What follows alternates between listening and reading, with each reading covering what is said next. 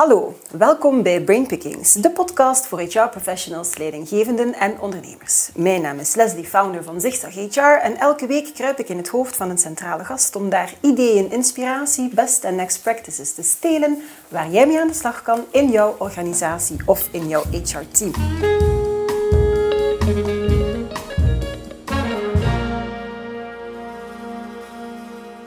En sommige mensen zijn zo boeiend dat één keer in hun hoofd kruipen eigenlijk gewoon niet meer volstaat. Zoals bijvoorbeeld professor Elke van Hoof. Zij is klinisch psycholoog, gespecialiseerd in trauma, stress, burn-out en hoogsensitiviteit. Ze doseert aan de VUB. Ze schreef heel wat boeken, onder andere Eerste hulp bij stress en burn-out, Chief Happiness Officer, Weer aan de slag en burn-out in de zorg.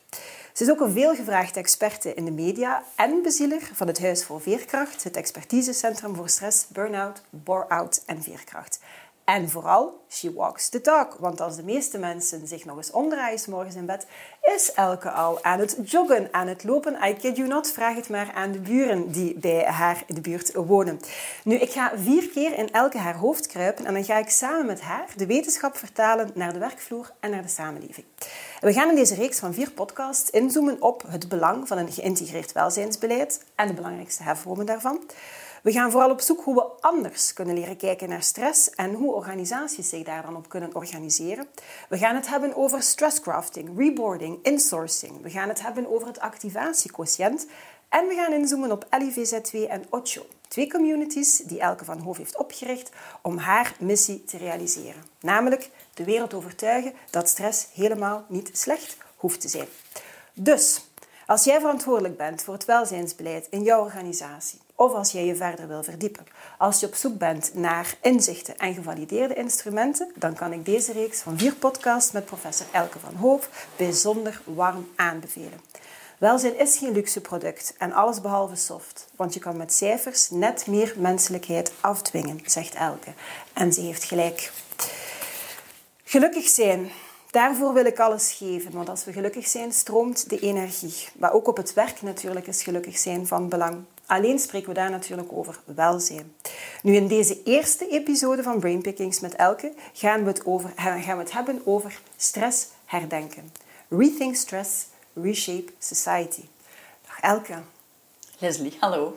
Ik ben heel blij dat ik hier in jouw heel mooie locatie te gast ben. Het is een fantastisch uh, mooi centrum dat je hier hebt uh, neergezet. Ja, dank u. Het straalt wat warmte uit en ook uh, alles waarvoor wij staan natuurlijk. Ja. Het is wat anders als anders, een beetje rock and roll, hè, onze ja. muur. Mm -hmm. Ja, maar jij bent ook een beetje rock and roll, hè? Absoluut. Super. Um, Elke, wetenschappelijk onderzoek toont aan dat, uh, dat te veel en te lang stress ervaren dat dat negatieve gezondheidseffecten hè, met zich meebrengt. En in deze wereld vandaag de dag ja, is, is stress natuurlijk niet meer te vermijden. Maar stress is niet negatief, zeg jij. Meer nog, stress zou zelfs positief zijn. En misschien is het dan wel vooral de context hè, die maakt dat stress toxisch wordt. Vertel. Ja, het is daar belangrijk om direct te starten met... Stress is een containerbegrip geworden. Hè? Een -hmm. vuilbak waarmee dat we alles benoemen wat niet goed gaat. Mm -hmm. En eigenlijk klopt dat niet. Als je gaat kijken naar de core business van stress als functie, dan heeft dat een hele nuttige functie. Met mm -hmm. name, stress zorgt ervoor dat wij situaties die een potentiële dreiging zijn voor ons, dat we die kunnen identificeren en dat ons lichaam in een staat van paraatheid komt. Mm -hmm. En dus dat is essentieel om stress het hoofd te kunnen bieden. Maar het is belangrijk hè, om niet alles stress te gaan noemen. Mm -hmm.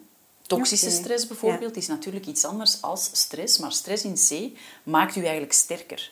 Er zijn daar een aantal dingen die daar heel erg interessant zijn, mm -hmm. om daar meer te kunnen uh, over weten. Eén, stress krijg je alleen maar als er iets op het spel staat dat voor u belangrijk is. Ja.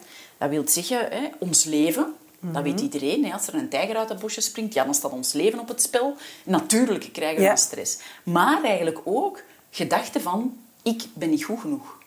Ook daar, hè, dat is een dreiging, een, een, potentiële dreiging voor het gedrag of de routines die we dagelijks gaan neerzetten. Ook daar gaat er dan een stressrespons gaan komen. En vandaag hebben we veel minder tijgers, maar veel meer situaties waarin dat type van negatieve overtuiging geactiveerd yeah. wordt. Yeah. En dat maakt ook elke keer dat die stressrespons getriggerd wordt. En dan ook wat is nog belangrijk, is wanneer er iets materialistisch op het spel staat. Bijvoorbeeld, denk maar, uw, uw job Of uw loon, dat wordt gereorganiseerd. Hè. Ook dat zijn allemaal potentiële redenen om stress te laten activeren. Dus alleen stress als er iets op het spel staat. Ten tweede, je gaat ook alleen maar stress ervaren als het negatief is. Ja.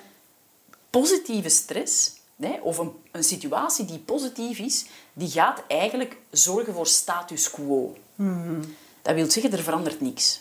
Maar dat wil dus ook zeggen dat je niks bijleert. Hè, Status quo zorgt niet voor een verbetering van de situatie, zegt gewoon meer van hetzelfde. En dan, als er iets negatief is, gaan we eigenlijk in een fractie van een seconde in uw brein nadenken van is er een potentiële schade voor ons? Hè, al dan niet levensbedreigend. En dan, twee, kijken, heb ik hulpbronnen? Heb ik eigenlijk manieren om er beter mee om te gaan? En is het antwoord op de vraag, is er potentiële schade, gaat eigenlijk bepalen of er activiteit komt in uw stressreactie.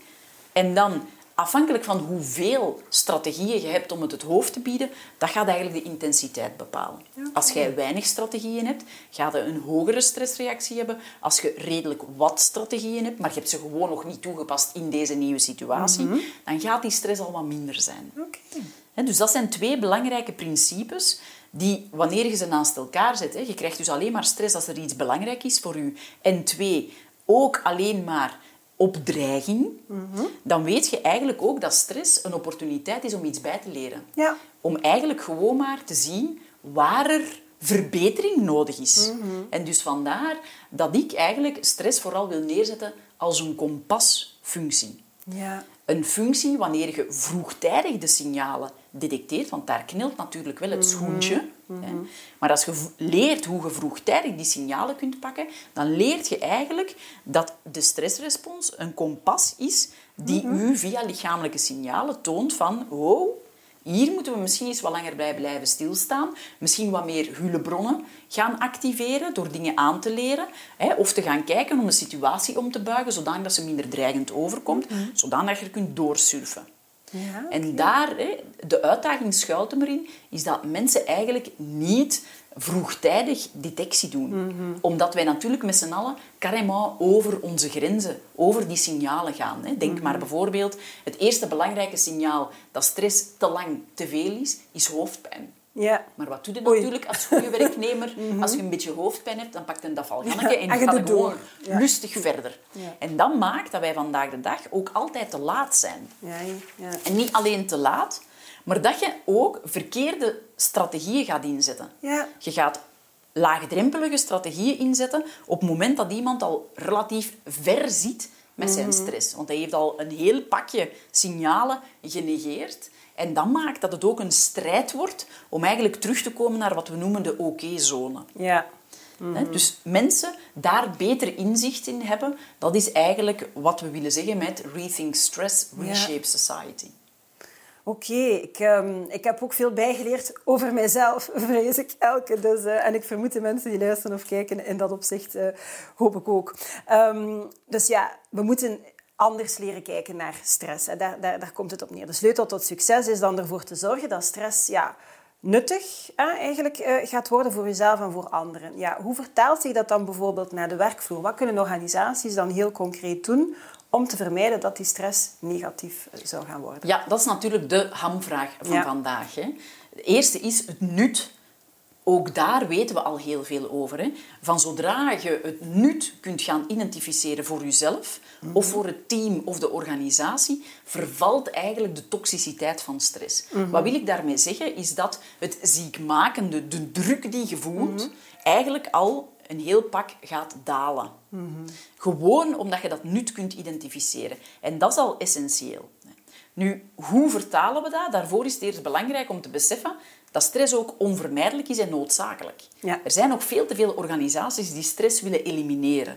Dat kan niet de Ja. bedoeling zijn, want zonder stress heb je geen vooruitgang, heb je dus ook geen zelfinzicht bij je Mhm. werknemers en dus ook een vlakke carrière en geen, geen mensen die de beste versie van zichzelf zijn. Mhm. Dus ook geen zelfontwikkeling. Dat wilde eigenlijk als organisatie helemaal niet. Mhm. En dus... Hè, belangrijk beseffen dat stress onvermijdelijk is en eigenlijk gewenst en dat we mensen zelfs willen verplichten om ons te gaan heruitvinden. Ja. Of dat stress zodanig verkrampt geraakt in een organisatie, Mhm. dat de organisatie verplicht is om zich te gaan heruitvinden. Want wanneer gaan wij ons gedrag veranderen? Dat is als het in your face, als je echt niet anders, niet kunt. Mhm. meer kunt. En dat is wel belangrijk. En dan is het ook belangrijk, goed om weten, dat je altijd in een reactieve modus zit. In een meerderheid van de organisaties reageert men pas als men iets kan detecteren. Dus altijd reactief. En dat is ook niet goed. Want dat is uitputtend en belastend voor de werknemers, ook voor een organisatie. Want je hebt een probleem, je moet veel meer resources gaan inzetten, kost dus met andere woorden veel meer, om terug naar de oké-zone te komen. Maar ook voor mensen.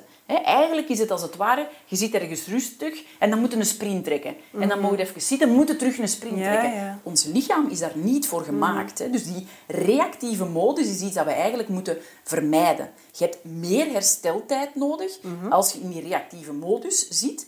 En bovendien heb je altijd het gevoel dat je dan terug moet komen naar dezelfde situatie, waardoor je langzaam maar zeker je zelfvertrouwen krijgt ondermijnd. Ja. Want dat is iets wat wij als mensen, wij hebben een drang om vooruit te gaan, om beter te Ja, worden in onze in talenten. Ja. Dat zit in onze vervat. Dus als je altijd terug moet naar een oude situatie en in die oude situatie altijd terug hetzelfde tegenkomt, dan is het heel logisch dat de mensen en dus ook de organisatie op een bepaald moment begint te denken, ja maar ho, scheelt er niet iets met ons als wij hier altijd in hetzelfde patroon terechtkomen. Ja. En dus dat gaat een hypotheek zetten op ons zelfvertrouwen, maar ook op de motivatie van de mensen om er iets aan te doen. Ja. En dan, hoe vertaalt zich dat naar organisatie? Is langzaam maar zeker brokkelt uw reputatie af. Ja. En als uw reputatie afbrokkelt, dan gaat ook uw marktpositie verminderen. Maar wat ook heel erg is, is dat de cohesie, de lijm in uw bedrijf verdwijnt. En dan gaat het heel snel van kwaad naar erger natuurlijk. Ja. Want dan wordt het niet meer veilig voor mensen en dan heb je de perfecte voedingsbodem om werkelijk, zelfs met lage stressniveaus, heel erg toxische situaties te gaan creëren. Ehm goh, amai, dat, klinkt, dat klinkt vrij dra ja, dramatisch, eh, bijna. Ja. Ja, maar het hoeft niet zo dramatisch te zijn. Mhm. Hè? Dus in plaats van een reactieve aanpak, is het dus veel beter dat organisaties een heel proactieve Ja. aanpak gaan uitoefenen. Als het ware, hè, uw organisatie aan een stresstest Ja. gaan onderwerpen. Hè? Wat is dat dan? Welke vragen moeten dan beantwoorden? Hè? Dan moeten vooral ook weten van, is de organisatie klaar Mhm. om stress op te vangen en dan ook elk niveau van ziekmakende stress. Heb je mij onder woorden een antwoord als er iemand bij u komt en zegt ik kan het niet meer aan? Een direct antwoord. Ja. De meeste Ja. bedrijven niet. Als er een, een, leidinggevende geconfronteerd wordt met een verhaal van een medewerker, dan krijgen ze stress. Dat is ook gesprekken dat ze niet graag doen. Net omdat de organisatie niet is voorbereid. Ja. Het is heel logisch, hè? als je meer dan 40 jaar moet werken, dat er daar moeilijke momenten gaan in zitten. En dus is het heel onlogisch dat je als organisatie daar niet op voorbereid bent. Ja, Dus dat is een belangrijke vraag. Is de organisatie klaar om stress op te vangen? En dat kan eigenlijk alleen maar als er een geïntegreerd welzijnsbeleid wordt opgebouwd. En dat welzijnsbeleid dat bouwde dan zo op dat eigenlijk iedereen in de organisatie de beste versie van zichzelf kan worden, Ja. ongeacht de context. En het tweede, je bouwt het zo op dat de gedeelde verantwoordelijkheid naar voren komt. Dat wil zeggen, het is aan de werkgever om de best mogelijke context te gaan genereren, waar iedereen kans heeft om de beste versie van zichzelf te worden. Maar dan is het aan de werknemer om als een goede huisvader zijn contract te beheren en ook zijn beste beentje voor te zetten. Ja. Dat is essentieel. Dat is wat ik wil zeggen met een stresstest. En als Ja. je dan gaat kijken naar organisaties, ja, hebben we nog wel heel veel werk. Hè. Zelfs als we gaan kijken naar het belang van welzijn binnen organisaties, zien we een enorme stijging sinds 2019 naar 2021. Hè. Nu 94% van de organisaties vindt welzijn heel, Heel belangrijk. belangrijk. Maar als je dan gaat kijken van ja, en wat doe je er dan mee? Ja, dan zijn we nog niet bij de koude patatjes natuurlijk. Hè.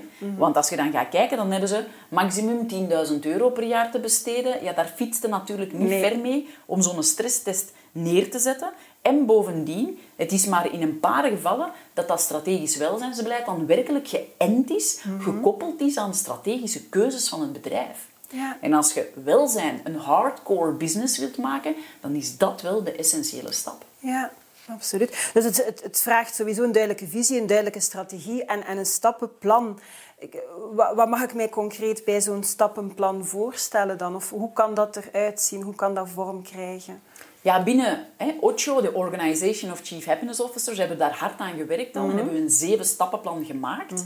Een zeven-stappenplan waarbij dat we dus eerst enten op die strategische keuzes. Ja. Dat wilde ook zeggen dat je gaat nadenken, waarom heeft onze organisatie een strategisch welzijnsbeleid nodig? Ja.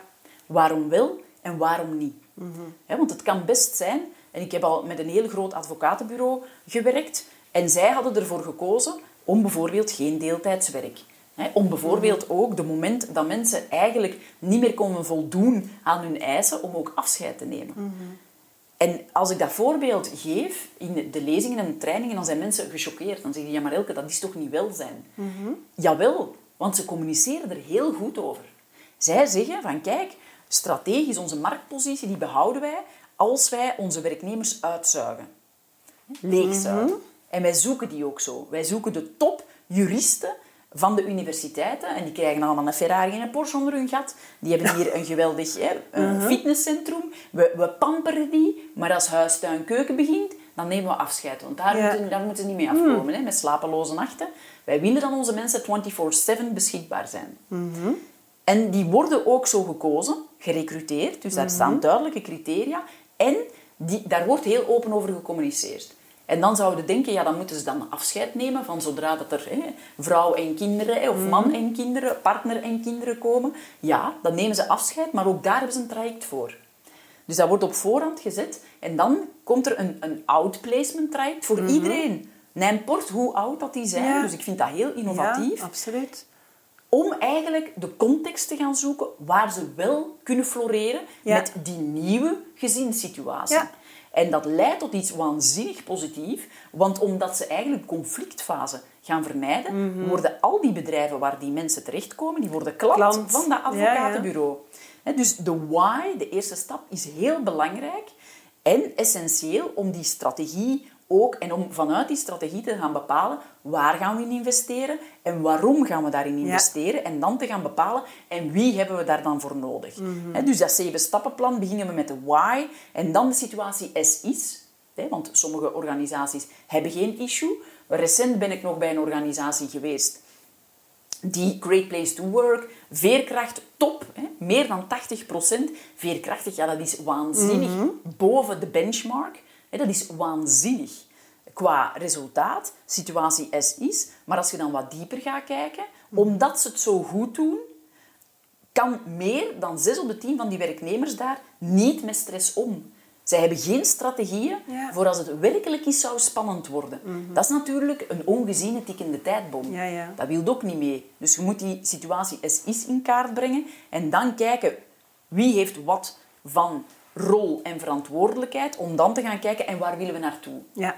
Dat bedrijf waar ik nu net over had, met meer dan zes op de tien die niet wisten hoe gaan we ermee om. Ja, dat bedrijf zei van ja, we gaan ze nu trainen, want het worden wel heel wat spannende tijden de komende twee jaar. En wij willen dat onze mensen elke situatie, ongeacht wat, Ja. eigenlijk kunnen doorstaan. Dus we gaan ze nu, als het goed gaat met hun, Ja. trainen voor een rainy day. Ook dat is een bijzonder proactieve, Absoluut. slimme zet. Ja. De belastbaarheid verhogen. En dan gaan we bepalen van, oké, wie heeft dan wat nodig als we dat willen bereiken?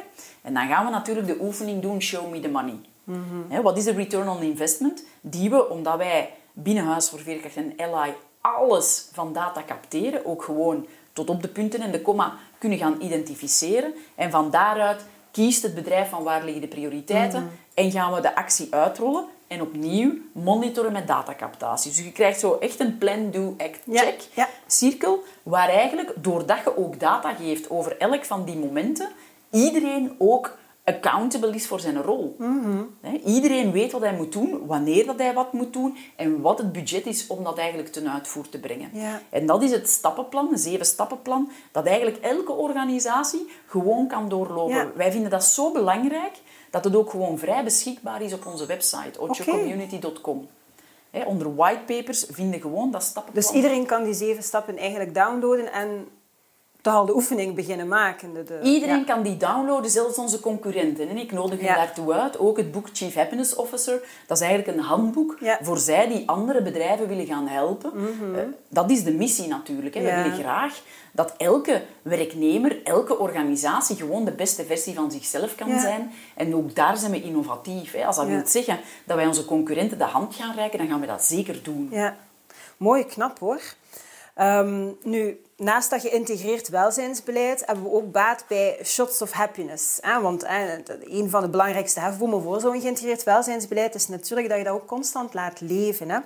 En zo kom ik eigenlijk terecht bij Halleluja, waar jullie ook mee, mee samenwerken. Die hebben een model ontwikkeld, belevingsgericht, wetenschappelijk onderbouwd, waarbij dat ze zo van die shots of happiness, zoals ze dat noemen, afvuren op medewerkers.